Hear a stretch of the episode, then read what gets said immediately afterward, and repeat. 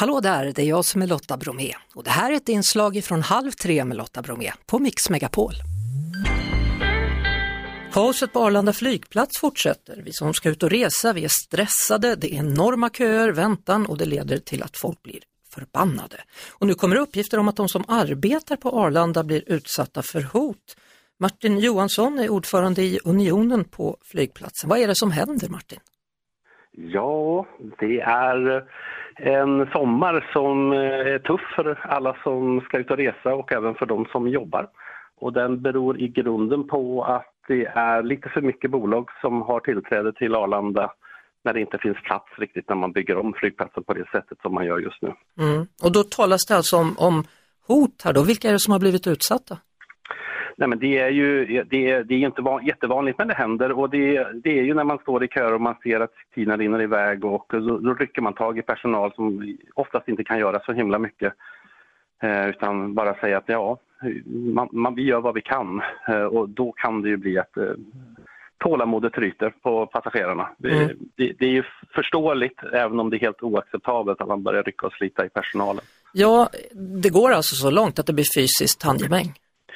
Det, det, ja, det händer. Eh, det, men det är som sagt det är inte jättevanligt. Det, de allra, allra flesta människor som reser tar det här väldigt, väldigt bra. Men det är ju de, det händer och när, när det går ett sånt eh, när någon tappar det så, så blir det oftast att det sprider sig runt omkring, att folk blir upprörda runt omkring. Mm.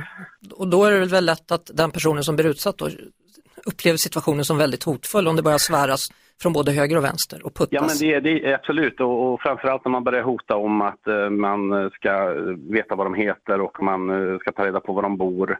Oj. Uh, även, även om det är sånt som folk bara tar till i, läge, i det läget för att man är upprörd så, så är det klart att det, det känns inte roligt att ha det när man kommer till jobbet. Att, Nej. Att idag kan det bli en sån här dag.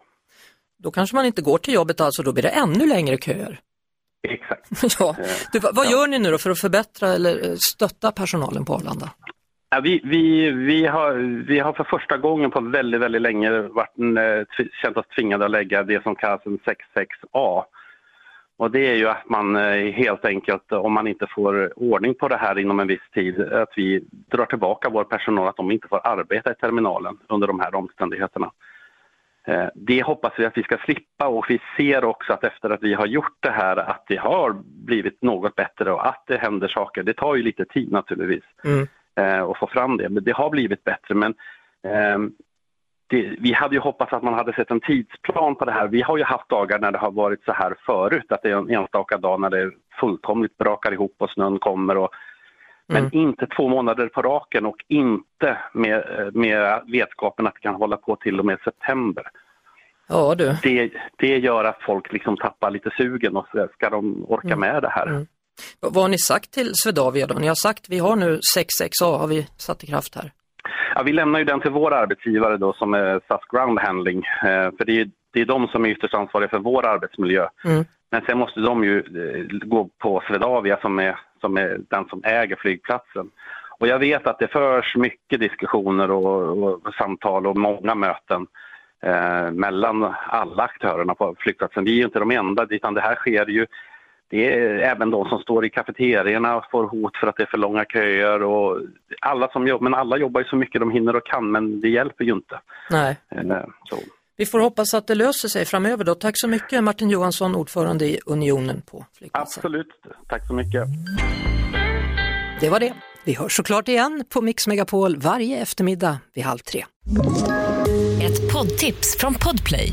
I fallen jag aldrig glömmer djupdyker Hasse Aro i arbetet bakom några av Sveriges mest uppseendeväckande brottsutredningar går vi in med hemlig telefonavlyssning och, och då upplever vi att vi får en total förändring av hans beteende. Vad är det som händer nu? Vem är det som läcker? Och så säger han att jag är kriminell, jag har varit kriminell i hela mitt liv men att mörda ett barn, där går min gräns. Nya säsongen av Fallen jag aldrig glömmer på Podplay.